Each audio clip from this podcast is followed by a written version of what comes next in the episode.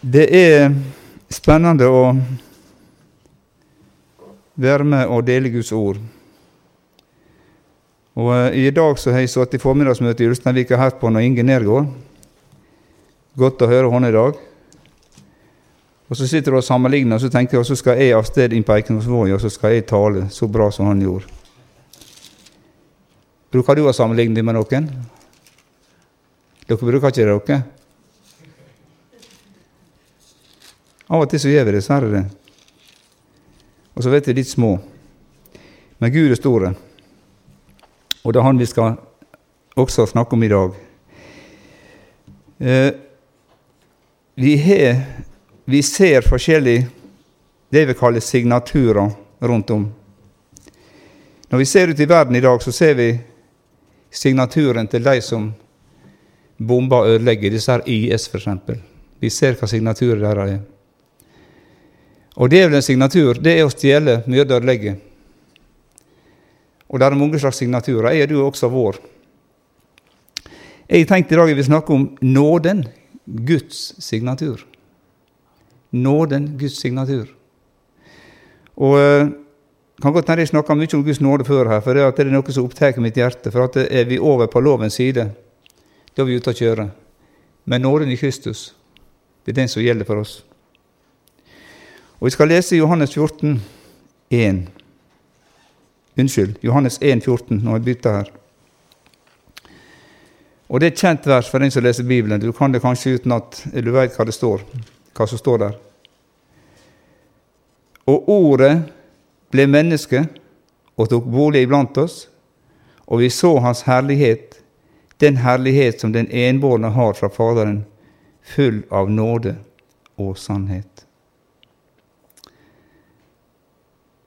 Herre Jesus, takk for det at du er full av nåde og sannhet. Og jeg er glad for det her at den nåden kom før sannheten. At det ordet kommer først for mitt liv. Takk, Herre Gud, for at du er til stede i dette møtet. Og takk at jeg merker dine fotetrinn. Takk for din tale til oss. Takk for nådegaven. Takk for ordet. Takk for sangen. Takk, Herre, for at vi kan få lov, også i enkel kveldsstund, å dele ditt ord. Og så er det du, Herre, som Jesus skal åpenbare ved Den hellige ånd for oss. Vi kan ingenting gjøre uten deg, Herre. Derfor så ber jeg om et åndens nærvær, Herre. Det vet du vi har bedt deg om i dag. Det skal være et åndens nærvær dette møtet. Takk at vi har kjent dine fotetrinn, og vi kjenner at du midt iblant oss. Og du elsker mennesker, Herre. De er skapt i ditt bilde. Takk for det, Herre, at vi er skapt i ditt bilde. Vi er originaler for Herren.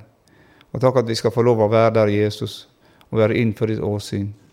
Herre Jesus, ofte så føler vi oss uverdige, ofte så føler vi oss maktesløse, kanskje vårt eget liv. Men takk at når vi gir deg makt, og da du får lov å komme til, Herre, da blir det slik som du har tenkt det, Herre. Hjelp oss, Herre, at vi lar deg slippe til i livet vårt i dette året som ligger foran.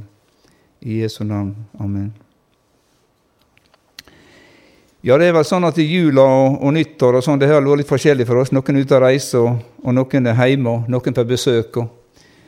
For min del, jeg, jeg og kona så vi var ute og reist. Vi var i Halden i 14 dager. Der har vi alle båndene våre og båndbåndene våre. Så det, vi gjorde det godt når vi får opp igjen. De var igjen der nede. Men eh, det er godt å få være på besøk med dem. Vi har åtte båndbånd. Og eh, det er en velsignelse å kunne se at de vokser og trives og, og har det bra. Og det er det eneste vi får med oss til himmelen, venner. Det er de som vi har familien vår, og de som vi har bedt inn i himmelen, inn til Guds rike. Det eneste vi får med oss. Derfor er det viktig at vi tar vare på det vi har. Jeg tenkte at vi skulle ta et lite dypdykk, ikke stort, men et lite dypdykk i uttrykket nåde i kveld, og se litt på både Det gamle og Det nye testamentet, og se på hva Bibelen sier om som, de som bekjenner navnet Jesus. Og eh, Jeg liker å gå inn både i, bibel, i bibelleksikonet og bibel, studiebibelen når jeg skal forberede meg, for der gir en del rikdom der. Og Vi skal ikke skrive av verken leksikonet eller studiebibelen, men der er en del, eh, det gjør det mye rikere, det som du leser. Og Jeg har lyst til å sitere noe bare som står i bibelleksikonet her. Det er et sitat. Og Der står det slik For vårt uttrykk nåde fins det i Gamle testamentet flere ord med forskjellig betydningsnyanse og betydningsfylde. Altså nyansen av ordet og fylden av det. Eh, det hebraiske ordet shesed eh, det kan bety vennlighet, godhet, gunst og miskunnhet. Og Det samme ordet står mange steder for mildhet og barmhjertighet. Og Disse brukes særlig om dette med nådetruskap i et paktsforhold. Merk til det. Nådetruskap i et paktsforhold. Vi skal komme inn igjen på det. Det greske ordet i forhold til Nytestamentet, karis, det er et uttrykk for Guds nådige sinnelag. Der står det om yndes, der står det om velbehag, der står det om velvilje, nådegjerning og velgjerning i praksis. Og vi vet at Gud han er ikke en bare som ligger i ord på trykksverte mellom permer. Har det vært det, så har det ikke vært så enkelt. Men han er en som vi på en måte kan ta med oss ut herifra og benytte. Og han er der ved sin nåde i vårt liv. Og det har han vist også ved at han frelste oss. Gud er praksis. Gud er ikke bare teori. Men gjennom teorien får vi oppleve at Gud han gir praksis i vårt liv. Og vi vet at Gud, det som også vi proklamerer, vi synger i sanger, vi synger i lovsangskor Gud har kjærlighet og omsorg, han er medynk og barmhjertighet. Og han er, men også en rettferdig Gud som krever rettferdighet, og den har vi fått i Jesus Kristus, vi som tror på Han. Eh, når det gjelder dette her uttrykket eh, karis i Nytestamentet, så står det i 155 ganger ifølge studiebibelen. Og Paulus han bruker det 100 av de gangene. Så Paulus var veldig på dette med nåden. Og han hadde opplevd virkelig nåden i Kristus. Vi vet at han forfulgte menigheten. Han var, han var en harding. Men Gud kan møte også hardinger, og møte dem til de grader at han måtte ha hjelp inn i byen.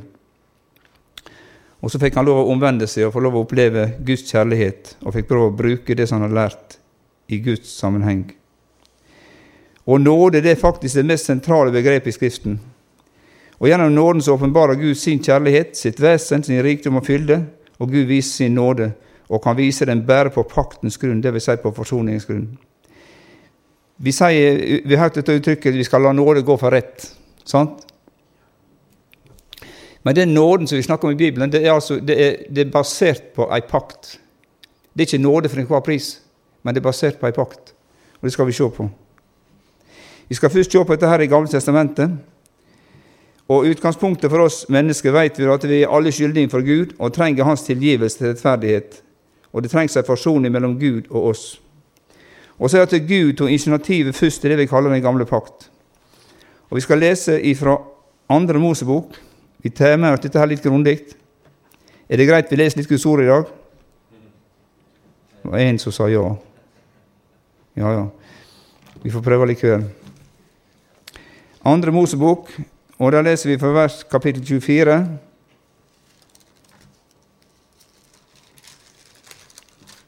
Vers 1-8.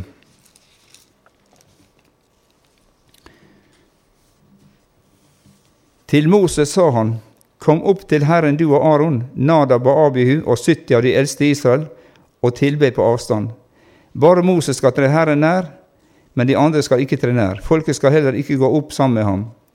Så kom Moses og fortalte folket alle ordene fra Herren og alle, alle lovbudene. Hele folket svarte en, med en røst og sa, alle de ord som Herren har talt, vil vi gjøre etter. Moses skrev ned alle Herrens ord, og morgenen sto han tidlig opp og bygde et alter ved foten av fjellet, og reiste opp tolv minnestøtter for Israels tolv stammer. Så sendte han noen unge menn av Israels barn dit bort, og de ba frem brennoffer og ofret slakteoffer av okser som fredsoffer til Herren.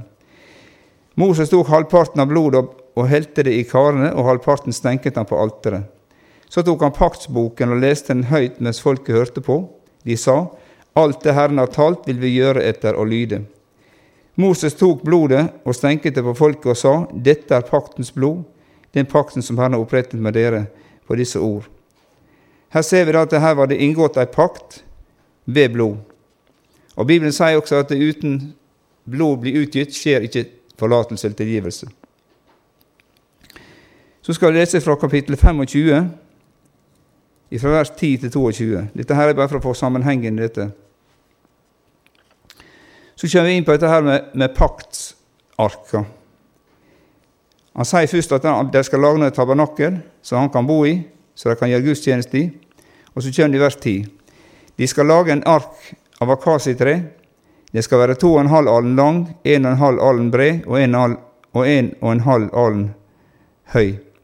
Du skal kle den med rent gull, både på innsiden og utsiden skal du kle den, og du skal lage en list av gull helt rundt den. Du skal støpe fire ringer av gull til den og feste den på de fire hjørnene. To ringer skal være på den ene siden og to ringer på den andre siden. Du skal lage stenger av akasitre og kle dem med gull. Du skal sette stengene i ringene på siden av arken, så arken kan bæres med dem. Stengene skal sitte i ringene på arken, de skal ikke fjernes fra den. I arken skal du legge vitnesbyrdet som jeg skal gi deg, og du skal lage en nådestol av rent gull, og, en, og, og den skal være to og en halv alen lang og en og en halv alen bred. Du skal lage to kjeruber av hamret gull, og du skal lage dem ved de to endene av nådestolen. Lag en kjerub i den ene enden og en kjerub i den andre enden. Kjerubene i de to endene skal dere begge lage i ett stykke med nådestolen. Kjerubene skal stå med vingene utspent der oppe og skygge over nådestolen med vingene sine. Og de skal ha ansikten vendt mot hverandre, mot nådestolen skal ansikten til kjerubene være vendt. Og så står det her du skal sette nådestolen opp på arken, og i arken skal du legge vitnesbyrdet som jeg skal gi deg. Og jeg skal møte deg der, og jeg skal tale til deg fra stedet over nådestolen, fra stedet mellom de to kjerubene som er på vitnesbyrdets ark, om alt det jeg har befalt deg for Israels barn. Her er det første plassen vi leser om dette her med en nådestol. En nådestol. Og Jeg bruker av og til å skøye litt når vi er i, sånne, husmøter sånn, og, og folk skal ha forbønn. Så sier jeg av og til kom og deg i nådestolen. Så setter vi fram en stol. Ikke sant? Det er en vanlig stol. Vi kaller det nådestol. Der skal vi be for deg. Men det er, med, det er noe med det som Gud gjør her. Nådestol var plassert over arken. Det var lå ikke på arken. Og Vi leser også i Hebreabrevet at i paktens ark var følgende plassert. Det var tre ting. Det var lovens tavle, en gullkrukke med manna og Arons stav som hadde blomstra. Han var laga av mandeltre. Jeg vil presisere det som står i vers 25, eller kapittel 25, 21 og 22, at nådestolen det var Herrens tronstol og særskilte åpenbaringssted. Det var åpenbaringsstedet for Moses. 'Jeg skal møte deg der', sa han. 'Jeg skal møte deg der'. Og det var på grunnlag av denne pakta som han hadde inngått. Så leser vi i Bibelen om den store forsoningsdagen, da ypperstepresten denne dagen gikk inn i det aller helligste for å sone for sine og folkets synder. Da var nådestolen midtpunktet. Ei røyksky på grunn av, av, av offer måtte skjule nådestolen, så ypperstepresten ikke skulle dø. Han skulle ikke se Gud. Dernest skulle blodet av syndofferoksen og syndofferbukken sprenges på nådestolen og foran nådestolen. Og slik ble det gjort soning for helligdommen, og den ble rensa for Israels barns urenheter fra alle deres overtredelser. Og så tenker vi hvorfor kom så lova og dens ordning? Hvorfor trengte den å komme? I Galaterbrevet sier Jesus' svar. Loven ble gitt for overtredelsenes skyld inntil den ætten kom som løftet gjaldt. Og det snakker vi om Kristus-ætten. Nåden i Gamle testamentet er knytta til Israel, fordi den er bundet til pakten og først og fremst er det pakts nåde. Men den er også et bilde på noe som skal komme seinere, og som skal gjelde både jøder og hedninger, nemlig Jesu frelsesverk. Og det som vi leste nå, faktisk Husker dere hva det står i Bibelen? Hvor lang tid eh, Hvor lang tid eh, ble lova gitt etter dette løftet her? Husker dere det? Det står et tall i Bibelen. 430 år seinere ble lova gitt. Og Det er at Abraham fikk løftet tidligere. I deg skal alle jordens slekter velsignes, sa Gud til nå. Abraham trodde Gud, og det ble regna han til rettferdighet. Men vet du at på Bibelens første blad, allerede etter syndefallet, kjapt etterpå, så proklamerer Gud at det kommer et oppgjør med djevelen, et utsagn som utgjør Messias. I 1. Mosebok 3,15 så leser vi jeg setter fiendskap mellom deg og kvinnen, mellom din sæd og hennes sæd. Han skal knuse ditt hode, og du skal knuse hans hæl. Så allerede der så forteller Gud at det, det kommer et oppgjør. Vi skal ta det. Vi tar et oppgjør med det. Og overgangen til dette her, så leser vi i trøsteboken i Jesaja 42. Skal vi lese vers der? Der Gud innlemma hedningene. Du veit du er hedning? Hedning av folk. Folkeslag. Vi liker kanskje ikke å si det at vi er hedninger, men vi er en del likevel av folkeslag. Isaiah 41-3 leser vi Se min tjener som jeg holder oppe, min utvalgte, i ham har min sjel velbehag. Jeg har lagt min ånd på ham, han skal føre retten ut til hedningefolkene. Han skal ikke skrike og ikke rope, heller ikke la sin røst høre på gaten. Et knekket rør skal han ikke bryte, og en rykende veike skal han ikke slukke. I trofasthet fører han retten frem. Det er Messias vi snakker om. Det er Jesus Kristus. Så Gud hadde en tanke når tidens fylde kom, utsendte han sin sønn, født av en kvinne født under loven, står det, for å kjøpe oss fri. Og det gjaldt det både jøde og greker, eller jøde og hedning, om du vil. Og Bibelen sa at han gjorde de to til ett. Nede ved gjerdet skillevegg drepte fiendskapet, og ett folk i Kristus. Ett folk i Kristus. Han har kjøpt seg ei brud. Bibelen sa at synda trengte gjennom til alle mennesker, derfor måtte Gud gjøre noe som gjaldt alle mennesker nemlig Jesus Kristus, og han forsona. Han døde for oss. Så leser vi videre, og det gjelder Det nye testamentet. Når Jesus trår inn på arenaen, så leser vi Hebreerne 10. Dette her blir litt Guds ord, men vi har godt av det. En møter en del mennesker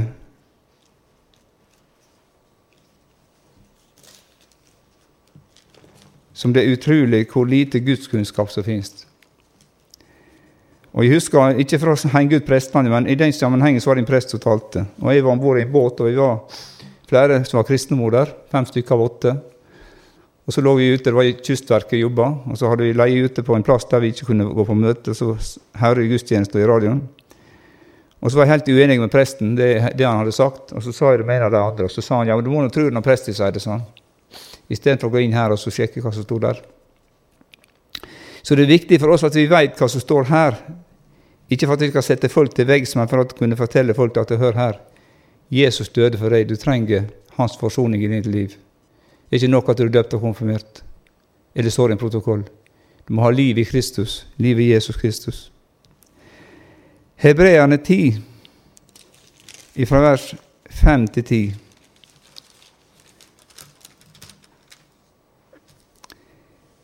Og det er en overskrift i min bibel 'Kristi liv og offerdød oppfylte Guds vilje'. Derfor, idet han kommer inn i verden, sier han 'offer og gave ville du ikke ha'. Altså, Det var jo offer her ikke sant, i Det gamle testamentet. Vi la ikke om offer her, og gaver. Offer og gave ville du ikke ha, men et legeme har du forberedt for meg.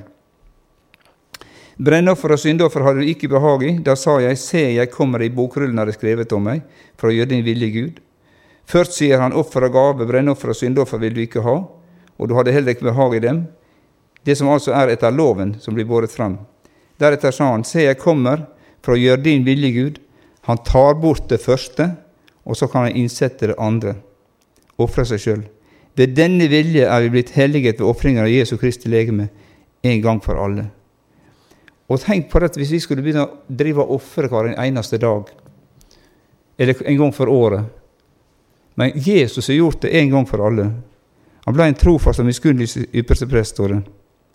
Han tar bort det første for å innsette det annet.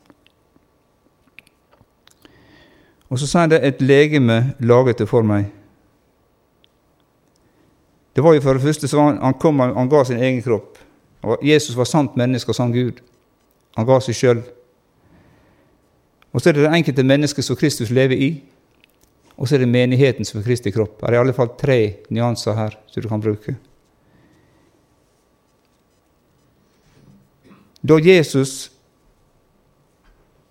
innstifta nadverden Vi leser bl.a. i Lukas 22.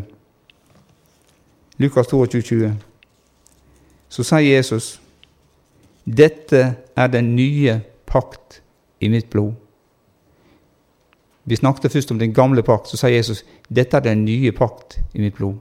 Han tok bort det første for å innsette det annet. Så var det så mye bedre, sier Bibelen. Så var det mye sterkere. Og da Jesus innstifta nadverden, og jeg tenker på disse karene som han hadde med seg, som ikke var kommet lenger enn at de, de kjefta på hvem som var størst i Guds rike. Det var nadværet da Jesus skulle dø. Det var ikke langt komne. De har ikke opplevd kraften ifra Golgata, ifra høyden. Dette er det nye pakt i mitt blod som utgytes for dere ved nadværen. Og så stiller jeg spørsmålet hva var det Gud skulle møte i ypperstepresten i den gamle pakt når han var i helligdommen? Det var ved nådestolen, altså Guds tronstol. Der skal, der skal jeg møte deg, sånn. Der skal jeg gi deg beskjed. Og i Hebreerne 9 så står det noe interessant. Kanskje du tenker på det nå, når jeg sier dette her. Hvor er den nådestolen der?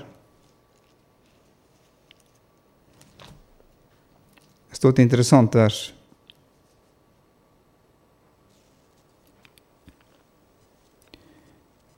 Unnskyld, jeg var litt langt bak nå. Romerne 3, 21. Jeg skal prøve å snøre det i hop så du forstår hva jeg holder på med. Romerne 3, 21.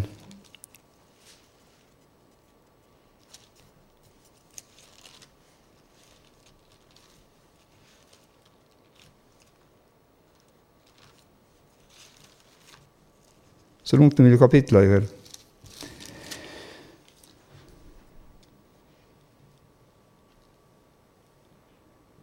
Men nå er Guds rettferdighet blitt åpenbart uten noen lov, den rettferdighet som er bevitnet av loven og profetene.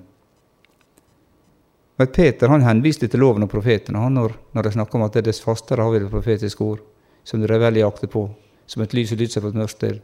De kjære på opplevelsene, men så sa han akt på det profetiske ord, som taler også om dette her med Jesus.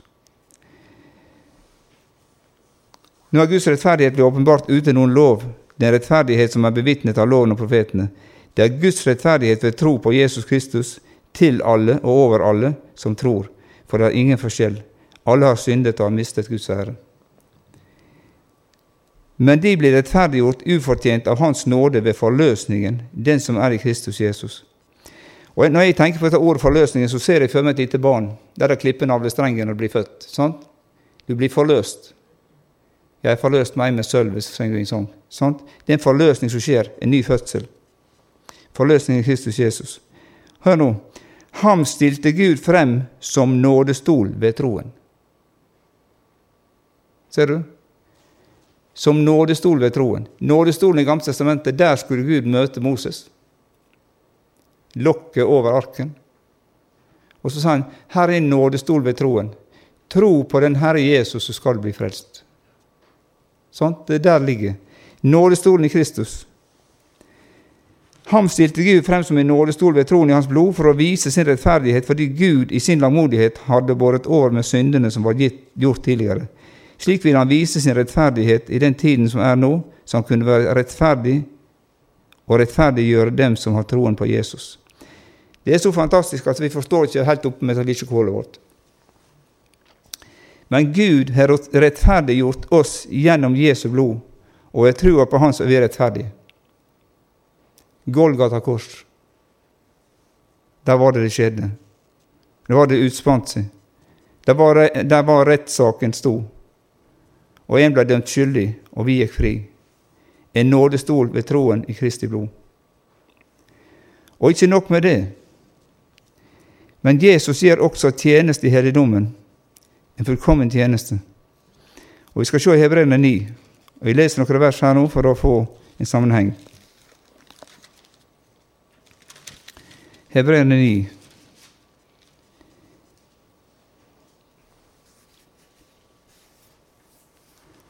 Elleve. Men Kristus kom som ypperste prest for de kommende goder. Jesus var prest, og Jesus var offer. Og Jesus ble dømt. Han kom som ypperste prest for de kommende goder, og han gikk gjennom det større og mer fullkomne telt, det som ikke har gjort med hender, dvs. Si som ikke har av denne skapningen. Ikke med blod av bukker og kalver, men med sitt eget blod gikk han inn i det aller helligste en gang for alle og vant en evig forløsning. Fant store i gamle Bibelen. Han vant en evig forløsning. Evig, det er evig. Kan du definere evighet, da? Det var en som sa det en gang. Evigheta, sa han, det er to parallelle strek som møtes. De møtes aldri, for de er parallelle. De går parallelt. Fra evighet og til evighet. Og jeg vet at da Jesus døde, så kløvde Gud forhenget imellom det hellige og det aller helligste, det tjukke, helvede forhenget, og dro det til sides og erkjente at veien inn i helligdommen er åpen. Jesus er banen ny, vei, ny og levende vei, like inn i helligdommen. For om blod av okser og bukker og asken av en kvige helliger til kjødets renhet når det blir stenket på de urene, hvor mye mer skal ikke Kristi blod, han som en evig ånd bar seg selv frem uten lyte for Gud, rense deres samvittighet for døde gjerninger, så de kan tjene levende Gud. Altså De som vil bli rettferdiggjort av gjerninger, er altfor seint ute. Jesus har gjort det. Og det gjelder ikke med våre gjerninger for å bli frelst.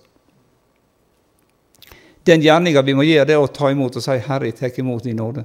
Jeg tar imot din rettferdighet. Jeg gir deg min syndige skyld. Det er det vi kan gjøre, utover det som er gjerningene våre i Kristus. Det er på grunn av at vi er frelst. Og det er fantastisk dette her med at eh, Bibelen sier at eh, han kunne ikke gjøre oss rettferdige med på en måte å, å, å, å gjøre disse her tingene på utsida, det som ypperstepresten gjorde i gamle pakt. Men det som skjer, er at når Ånden kommer inn, Den hellige ånd, fått som pant i hjertet, da skjer det noe med vårt indre. Da ligger Ånden her. Og da er vi med og virker innenfra og utover, i stedet for utenfra og innover. Derfor er han den nye paktens mellommann ved den død som har funnet sted, til forløsning for overtredelsene under første pakt, slik at de som er kalt, kan få oppfylt løftet om den evige arven. For hvor det er et testament, der er det også nødvendig å få bekreftet at den som har opprettet testamentet, er død. Og Jesus døde fastsatt tid for gudelig.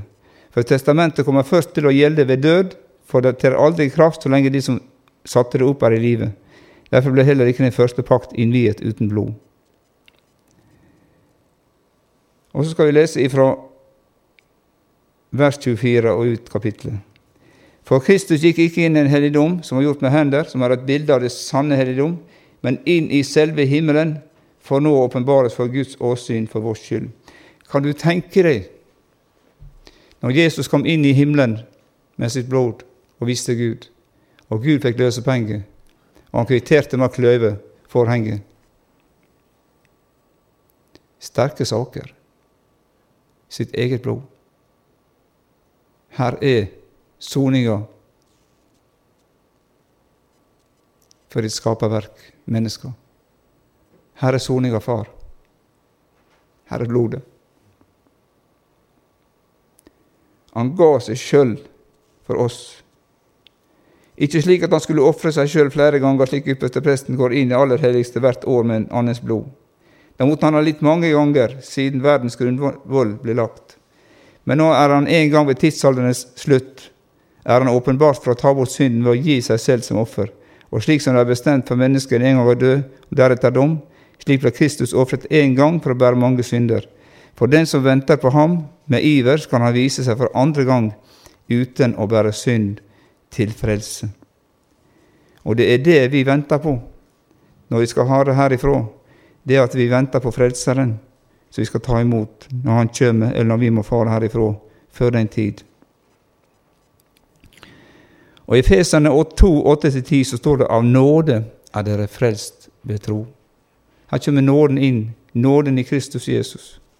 Altså Det er et paktsforhold, pakten i Jesus Kristus. Dette er den nye pakt i mitt blod som gis for dere. Kristi tjeneste i helligdommen det er en fullkommen tjeneste. Og Tenk på at det er ikke nok om det at Jesus har dødd for oss og betalt for syndes skyld, men han sitter inne hos Gud, og så taler han vår sak. Og Jeg har alltid brukt det bildet jeg tror jeg har gjort det her også, at jeg har hatt tre folk framme her. Der du har Gud på ene sida, og så er du Jesus imellom, og så er du synderen på hans side. Og Gud ser Jesus Kristus.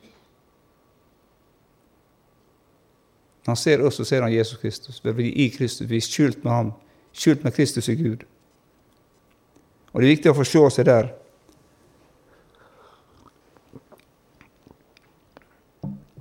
Og kanskje du er som blir plaga av at djevelen kommer og, og, forteller deg at hør her, det er ikke så bra med deg, for du føler ikke det sånn. Det har ikke noe med følelser å gjøre i utgangspunktet. Tro på den Herre Jesus skal bli frelst. Og du har tro som et sennepskorn og det er lite. Det var en som kom til Jesus Og så sa han, 'Jeg tror, hjelp min vantro'. Han var så bønn ærlig. I vantro, men Herre, hjelp min vantro. Jeg tror, sa han, hjelp min vantro. Så kom Jesus og rørte han ved Sonjas. Han så at det var et behov. Gud han driver ikke målkløveri. Han hjelper oss når vi er i nød. Han hører vår bønn. Og han hører når vi sukker til han, og vi roper til han, når vi skriker til han. Når vi raser over for at det skjer ting. Gud hører oss, og Gud forstår oss. Jesus, venner, er prøvd i alt i likhet med oss, dog uten synd. Han er prøvd i alt, står det. Derfor kan han komme oss til hjelp i vår prøvelse. Av nåde er det fleste tro. Men snakker ikke Bibelen om dette med gjerning også, da? Jo, det gjør det. Men det er på grunnlag av at vi er frelst. Altså han gjør oss, I Titus brev så står det om at å være nikjær til gode gjerninger. Vi blir nikjære for Gud. Ikke for å bli frelst, men for å vi kjenner at Den hellige ånd virker i oss til å ville virke for Han.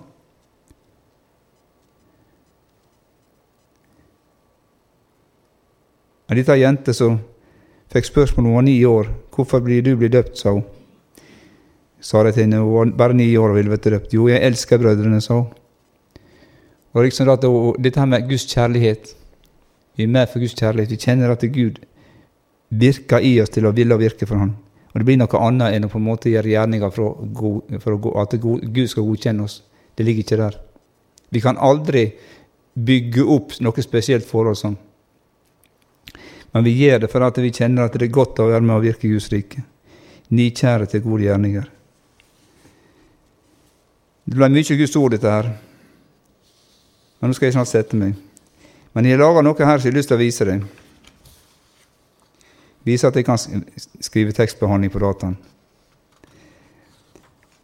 2015, det året er gått.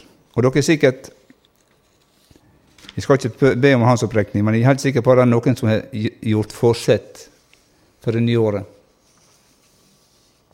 Det bruker å være sånn.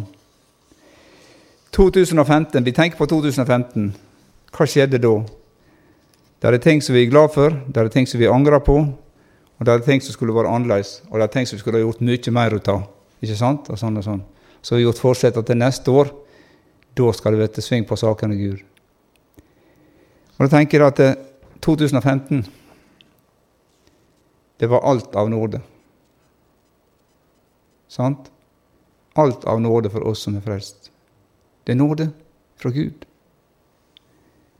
Hva er det med 2016? Det er alt av nåde. Det er nåde fra Gud. Hver dag. Og hver dag, hallo, så får du utdelt et sånt ditt ark hver dag. Vi skal ikke dra inn gjennom Prøysen, men altså, han har en, en god sang blanke ark og fargestifter til. Og der skal vi få lov å være. Og tenk på at det, det kan være det at vi har noen kravbrev som kanskje lå fra en nyttår til hit. Hva vet nå jeg, for de er som regel raske ut, for det er forfallsdato og styr. Dette skal forfalle i januar, så dette er ferdig i desember. Men Gud dreier ikke med seg noen krav fra en år til hit. Det er ikke krav, det er bare tilbud hos Gud. Tilbud. Hva vil du skal gjøre for deg? Det var en som fikk spørsmål om. Herre, at jeg må få mitt syn igjen. Og kanskje det er det, venner, vi må be Herren om. At vi må få større syn for det som Herren til, hører Herren til. Vi samler så mye, vi styrer med så mye, og vi har så lite tid da, til kanskje det som er det viktigste av alt. Og jeg tenker at jeg må rydde tid i mitt eget liv, selv om jeg er pensjonist som har rydde tid. Jeg hadde trodd en pensjonist skulle ha så mye å gjøre. Jeg tror at det var bare halve satt i stolen. Men det var ikke det.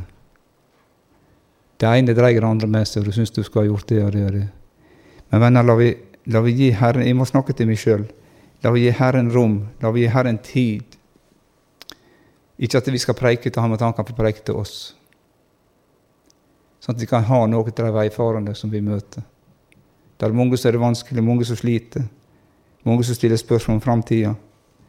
Og det er ofte at det, rundt juletid og sånne ting, og rundt nyttår, det er noe merkelig greier at da dør folk opp og ned føre. Jeg ser min egen bygd og der. En mann nå på 73 år som var helt frisk, rask, fjellmann. Plutselig så lå han der.